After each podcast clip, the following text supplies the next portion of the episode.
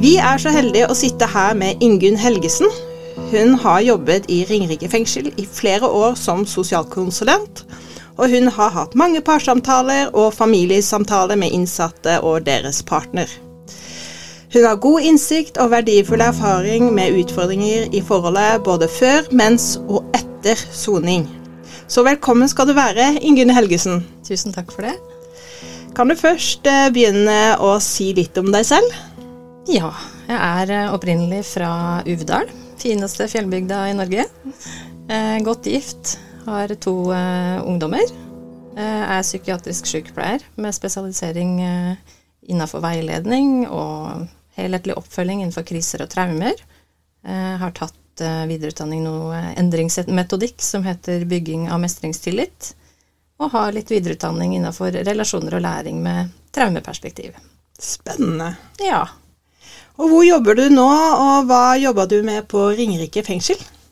Akkurat nå er jeg psykiatrisk sykepleier på Modum Bad, på traumeavdelingen der. Eh, og tidligere så jobba jeg jo i Ringerike fengsel og var sosialkonsulent. Der hadde jeg ansvaret for eh, veiledning av fengselsbetjenter, og for innholdsarbeid og tilbakeføringsarbeid og for innsatte. Hva er parterapi, og blir dette tilbudt i fengsler? Altså Parterapi er jo et kjempestort felt, og jeg er ingen parterapeut, så det er viktig å få fram. Jeg har vært en eh, parveileder, kan du kanskje kalle det, og en familieveileder. Eh, så jeg har brukt eh, kompetansen min overfor par på min måte. Så parterapi er et kjempestort felt, og det å være parterapeut krever en egen utdanning. Det er jo kjempeviktig. Og hvor viktig er det egentlig at fengsel kan tilby parsamtaler eller familiesamtaler? Det tenker jeg er kjempeviktig. Det er en kjempeutfordring for par eh, å oppleve soning. Eh, noen opplever jo kortere type soning, men på Ringerike fengsel, som er et eh, fengsel med høyt sikkerhetsnivå, så er det mange som kanskje skal sitte ganske mange år eh, i fengsel. Eh, og det betyr jo en kjempebelastning for, for paret. Det er stor avstand i kanskje mange år. Så det er parsamtaler og paroppfølging er kjempeviktig. Ja. Du kjenner jo litt til eh, hva de største utfordringene i forholdet går ut på både før, under og etter soning. Vi kan jo begynne med utfordringene før soning. Kan du si noe om det, og gjerne komme med eksempler? Ja, vi veit jo ikke sånn i, i fengslene så veit vi ikke alltid så mye om problemene i forkant, men eh, par i fengsel er jo gjerne akkurat det samme, står i de samme utfordringene som par ellers gjør. Eh, det kan handle om økonomi, det har kanskje særlig blitt aktualisert nå i, den seinere tida, med økte priser og, og økte strømpriser og, og de tinga som skjer i verden i dag, så har det påvirka økonomien vår med økte renter og Eh, så økonomi er nok absolutt et tema hvor par kan få utfordringer. Og så er det de typiske samarbeidstemaene, eh, altså ulike konfliktsituasjoner, hendelser som skjer. Det kan være tillitsproblemer, ja, akkurat som du og jeg kan oppleve. Så, så par som, hvor en partner havner i fengsel, er vel i aller størst grad mer like alle oss andre enn ulike. Og hvordan kan man liksom løse disse utfordringene, og hva er viktig å tenke på? Jeg tenker jo hvis man veit at man skal inn og sone, så er det jo noe man kan gjøre. Eh, man kan legge en plan og snakke sammen som par i forhold til både de utfordringene man har eh, allerede før soning, eh, og snakke sammen om de utfordringene som paret vil møte ved å være adskilt i kortere eller lengre tid.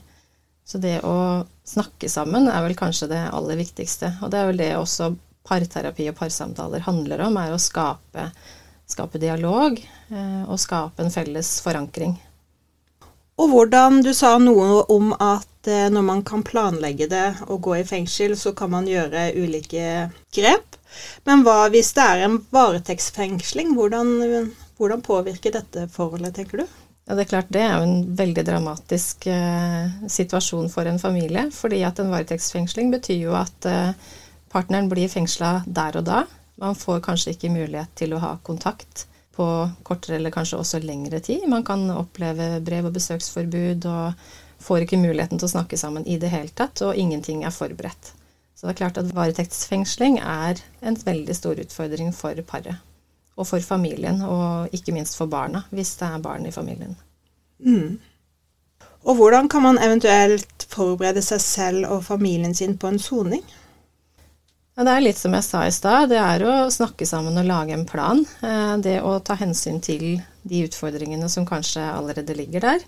Det å legge en plan for hvordan partneren skal klare seg når den andre er i fengsel. For det er klart, eh, økonomisk så blir eh, situasjonen veldig annerledes. Man mangler en inntekt. Og det er også i forhold til oppfølging av eventuelt barn, hvordan de skal knyttes inn mot far f.eks. Det var jo mannlige innsatte på Ringerike fengsel, så der jobba vi jo med fedre. Og hvordan familien kan forholde seg til å romme det at far er borte fra familiesituasjonen, da viktig arbeid. Mm. Hvilken betydning har de ulike dommene for et forhold? Det er jo vanskelig å si. Vi har jo ikke noe sånn helt konkret på det. Men det er klart at eh, noen type domfellelser er mer stigmatiserende og vanskeligere å takle enn andre. Eh, og så har det veldig mye å si i forhold til doms lengde. Eh, så det er klart at type dom kan nok absolutt ha en betydning for, også for de som sitter igjen der hjemme. Eh, i forhold til hvordan samfunnet reagerer på, på den enkelte type dom. Da. Så det, det, kan være en belastning eh, med enkelte typer dommer, og det kan være en belastning i forhold til nær familie som, som blir sjokkert over at det har skjedd kriminelle handlinger som gjør at far i familien eh, blir domfelt. Da. Så det kan være en belastning for familien og de rundt. Det er jo det vi erfarer også i Kirkens Bymisjon. Ja. Kan den kriminelle handlingen og konsekvensene av denne tilgis eller repareres? Det er nok både ja- og nei-spørsmål på det, og noe midt imellom. Eh, det må jo hvert enkelt par eh, på en måte ta litt stilling til. Eh, og jeg tror det er viktig å snakke om akkurat det temaet der. For det å bygge, bygge tillit og gjenoppreise tillit, det er noe hver og en må ta opp et spørsmål i seg sjøl hver og en i, i familien eller uh, i parforholdet, så må den enkelte uh, ta et oppgjør med seg sjøl først. Fordi at jeg kan ikke kreve din tillit, f.eks. Jeg må, må, tilby det jeg har å tilby, og så må jeg også bestemme meg for hvorvidt jeg kan tilgi og komme videre innenfor det som er gjort. Så innenfor den kriminelle handlingen så er det klart at det å snakke litt rundt det, snakke om hva slags betydning det har hatt for meg, hva jeg tenker om det du har gjort, det tror jeg er viktig å snakke om for også å kunne komme videre. Det som kanskje er det mest aktuelle, er hva som er utfordringen i forholdet under soning. Hvilke erfaringer har du gjort deg der? Der er nok kanskje aller mest mangelen på kontakt den største utfordringen.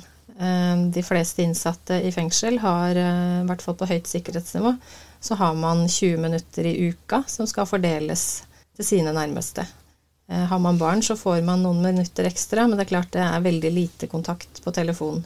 Eh, og så har man noe besøk, men det betyr jo at reisevei og praktiske hensyn spiller jo inn. Så, så det med kontakt er nok den aller største utfordringen.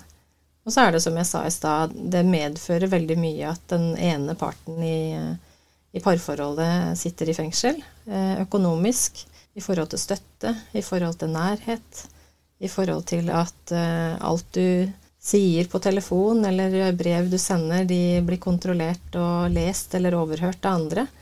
Så det er klart det er ganske invaderende å, å oppleve, også for den som sitter der hjemme. Da. Den har jo kanskje sin type soning. Så det kan være flere som soner når én eh, må sone, på en måte. Det er flere som kjenner på konsekvensen av det? Ja, det tenker jeg absolutt. Eh, og særlig i forhold til barn, så er det jo en veldig stor omveltning å miste far eller mor til, eh, til soning for en periode. Det er klart det kan Altså i en eh, seksårings liv så er to år kan kanskje høres ganske kort ut for oss i kriminalomsorgen når jeg jobba der, at to års dom er ikke så lenge. Men i en seksåringsliv så er to år veldig, veldig lenge. Og en veldig stor del av seksåringens liv. Så, så det er en stor utfordring for, særlig for barna. Og det å miste kontakten med en av foreldrene sine på den måten er jo en kjempe, kjempeutfordring.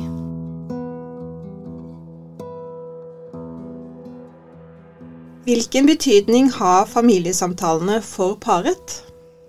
Jeg tror det har eh, stor betydning. For det å kunne møtes og ha en felles arena to voksne mennesker som får tid og rom til å snakke sammen, det tror jeg har stor betydning. Um, så det å kunne ha parsamtaler og familiesamtaler i fengsel betyr at man får en egen arena til å snakke sammen, eh, bare de voksne, uten at barna er til stede. Man får et eh, rom for å bruke samtalen til å snakke om de vanskelige tinga, til å tillate følelser, på godt og vondt. Tillate tårer, tillate å være skuffa og oppgitt, tillate å være sint, men også glad i hverandre. Så det å få tid til å bare være paret tror jeg har en stor betydning. Og hvordan er disse samværene mellom mor og far dersom man ikke får til sånne samtaler? Hva, hva er det dere ser går gjengs over der? Da sier parene at det ofte er vanskelig å gå inn i temaene som trengs å snakkes om. Det kan være praktiske hensyn som fort får litt temperatur. Eh, så det å ha barna i nærheten betyr at man kanskje ikke kan gå inn på de tinga som er vanskelig. Eh, så da blir det gjerne sånn at man dekker over og eh, lar være å snakke sammen, og at det blir en anspent stemning, kanskje. Og prøver å håndtere besøket bare for å ta vare på barna, egentlig. At de skal ha en god erfaring. Og hva kan dette føre til, tenker du? Nei, det kan jo potensielt føre til både mer konflikt, ting blir ikke snakka om, eh, lidelsene blir større hos begge parter. Og jeg tror at familien får det tyngre ved at man ikke får snakka ordentlig sammen. Og så er det jo viktig å skjerme barna. Vi vil jo heller at man dekker litt over i, en, eh, i et besøksrom hvor barna er til stede, enn at man går inn i en konfliktsituasjon eller begynner å diskutere ting som ikke barna skal høre. Så det er klart det er viktig å skjerme barna når de er til stede i besøksrommet. Så det å ta det hensynet er kjempeviktig, og det å tilby parsamtaler tror jeg er veldig essensielt for, også for at barna skal ha det godt, da. Gray Chapmans bestselgende bok 'Kjærlighetens fem språk' hevder at alle har ett eller to kjærlighetsspråk som får en til å føle seg elsket. Disse kjærlighetsspråkene er anerkjennende ord, tid for hverandre, tjenester, gaver og fysisk nærhet. Hvordan kan man snakke hverandres kjærlighetsspråk under soning?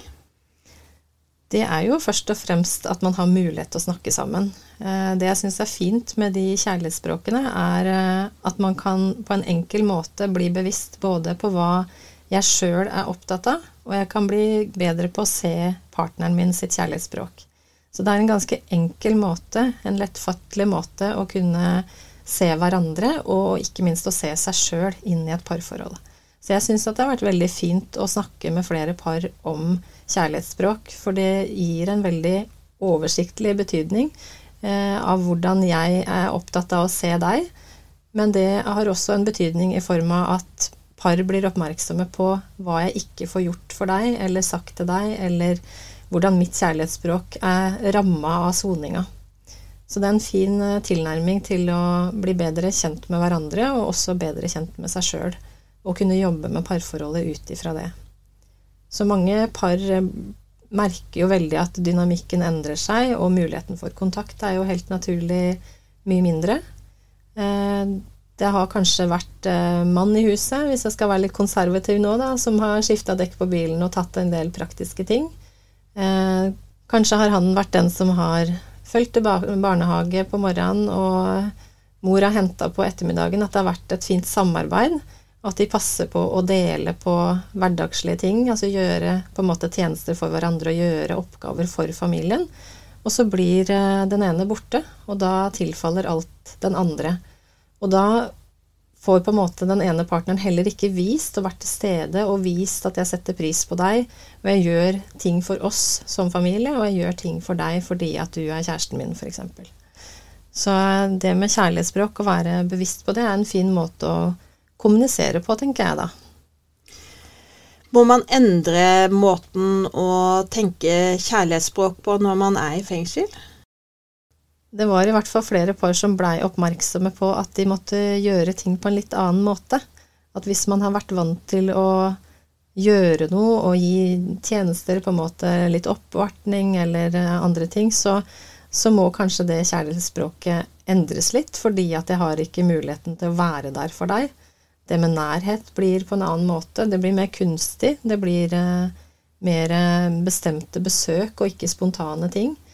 Eh, det å overraske kjæresten med blomster kan man jo fortsatt gjøre fra fengsel, men det, du får jo ikke vært der sjøl nødvendigvis. Det blir kanskje å, å sende med bud isteden. Eh, så det å endre og på en måte tenke at jeg kan fortsatt gi deg noe, det tror jeg er viktig. Og det er mulig. Har du et eksempel på um, et par du har eh, snakka med som eh, opplevde å endre kjærlighetsspråk og møte hverandre på nytt i fengselet? Jeg har i hvert fall eh, snakka med både par og innsatte sjøl, det er jo ikke alle partnerne jeg har snakka med, men det er mange som har blitt bevisste på det å kunne gi noe til partneren sin allikevel, som de har vært satt veldig pris på. Eh, og det har f.eks. Altså jeg tenker eh, Innsatte i fengsel er vel de eh, i Norge, kanskje, som bruker posten og det å sende private brev mest. Så det å sende hverandre kjærlighetserklæringer, det å sende blomster med bud, som jeg snakka om i stad, det å sende ord og bilder, tegninger, til hverandre, det, det gjør par som opplever soning veldig mye av. De sender mye post i fengselet, altså? Ja, de gjør rett og slett det. Mm. Mm. Både brevskriving og kontakt. Eh, at hvis ikke den ukentlige telefonsamtalen går hjem, så kan enkelte kanskje bli bekymra for hvor har den gått hen da. Så, så det er absolutt uh, utfordringer og, i hvert fall tanker om det, da, at, eh, at paret kan være bekymra fra begge sider. Kan du si noe om hva som kan være utfordringene i forholdet etter soning? Utfordringene i forholdet etter soning kan gjerne kanskje først og fremst handle om at man må lære å leve sammen igjen på nytt. Eh, det kommer litt an på hvor lenge partneren har vært borte fra familien. Men eh, det er klart at hvis man har vært fraværende i flere år, så vil det ha skjedd mye på hjemmebane siden man var der sist. Eh, og det å venne seg til frihet, også for en som har vært i fengsel i mange år, det er en stor overgang, og jeg tror det er veldig viktig å ta det på alvor. Så eh, det å planlegge, eh, snakke om det, eh, snakke om forventninger, snakke om hva slags krav kanskje som ligger der, det, det, at det har skjedd en kriminell handling som har ført til en dom, det kan skape mye usikkerhet. Og partneren vil ofte være veldig opptatt av at dette skal ikke skje igjen. Det kan medføre en stor usikkerhet også i å, ja, å bo sammen og venne seg til det. For de har vært fra hverandre kanskje i veldig lang tid. Opplever du at innsatte ser hva f.eks. mor eh, og barn har stått i på utsida av fengsel, og hvor, mye ansvar mor eventuelt har hatt? Det er nok både ja og nei på det. Det er vel eh, litt sånn ute i, ute i, verden sånn generelt også, at noen er gode på å se sånne ting, og andre er ikke så gode på å se det. Eh, og jeg tror noen ganger så blir det en slags beskyttelse også i å ikke sitte og tenke for mye på hva partner står i der ute. At man kanskje skyver det litt vekk eh, og veit at man kan ikke påvirke det så mye. Men mange er flinke til å bekrefte og eh, vise at de setter pris på, særlig med ord og med brev, at de setter pris på alt partneren gjør for å holde familien eller paret sammen. Da. Så eh, oppsummeringsvis, hvordan kunne man ha løst disse utfordringene? Ja, hvis jeg kunne hatt en sånn fasitsvar, så hadde jeg sikkert eh, vært veldig rik nå. Men jeg tenker jo generelt, eh, når par strever, så tror jeg sånn i bunn og grunn at det handler ikke om mangel på kjærlighet. Det handler om hvordan man kan håndtere konflikt. Så det å være i stand til å vise hverandre kjærlighet, finne kanskje nye kjærlighetsspråk, som vi snakka om i stad, og se hverandres perspektiv, og ikke minst bli kjent med seg sjøl, hva er det jeg er villig til å gi inn i paret? Hva er jeg villig til å ofre, kanskje? Eh, og hvordan skal vi finne et felles prosjekt? Så det å skape dialog og eh, kanskje forbedre kommunikasjonen. Så det å lære seg å kommunisere tror jeg også er veldig viktig. Opplever du at paret strekker seg langt for å få det til, eller er det slik at mange forhold ender med skilsmisse? Jeg opplever at veldig mange strekker seg langt for å få det til. Og det opplevde jeg uavhengig av om det var barn eller ikke i familien. Så paret som soner, vi kan kalle det gjerne det, at de soner jo på en måte sammen, og jeg opplever at de i veldig stor grad strekker seg langt for å få det til. Så kjærligheten er sterk? Kjærligheten er veldig sterk. Eh, og det tror jeg det gjelder for de aller fleste, at eh, det er ikke kjærligheten det skorter på. Det er gjerne konflikten og belastningen med å være fra hverandre som, er, eh, som kan være der. Eh, det kan ligge konflikter som på en måte har vært der fra før, som de lett ville håndtert hvis de var sammen og kunne løse det sammen. Og så er det en barriere ved frihetsberøvelsen for den, for den ene i paret. Tenker du dette kunne ha hjulpet med parterapi? Ja, absolutt. Eh, og jeg må jo si at under de samtalene på Ringerike fengsel så hadde vi også familievernkontoret fra Ringerike kommune inne. Og der er det profesjonelle partnere, samtalepartnere, som kan hjelpe par. Eh, så det er viktig å skille mellom på en måte parveiledning og de som trenger mer parterapi. Jeg har lyst til å slå et slag for eh, familieterapeutene og de instansene der ute i samfunnet som fins, eh, som kan hjelpe. Og hva kan skje hvis drømmen om et parforhold og samliv brister ved en soning? Nei, da må man jo finne veien sammen, og det er jo særlig viktig å snakke om det hvis det er barnefamilier det gjelder. Så eh, for noen ganger går det ikke, og noen ganger kan det også være greit. Så det å få til et ja, et ålreit brudd, hvis man kan kalle det det, det tror jeg også er veldig viktig, og det er særlig viktig hvis det er barn involvert. Og det er jo sånn at eh, barn og samvær med barn i fengsel og sånne ting, vi er opptatt av at barna skal kunne ha kontakt med pappa i fengsel, f.eks. Men det skal være på barnas premisser og til barnas beste.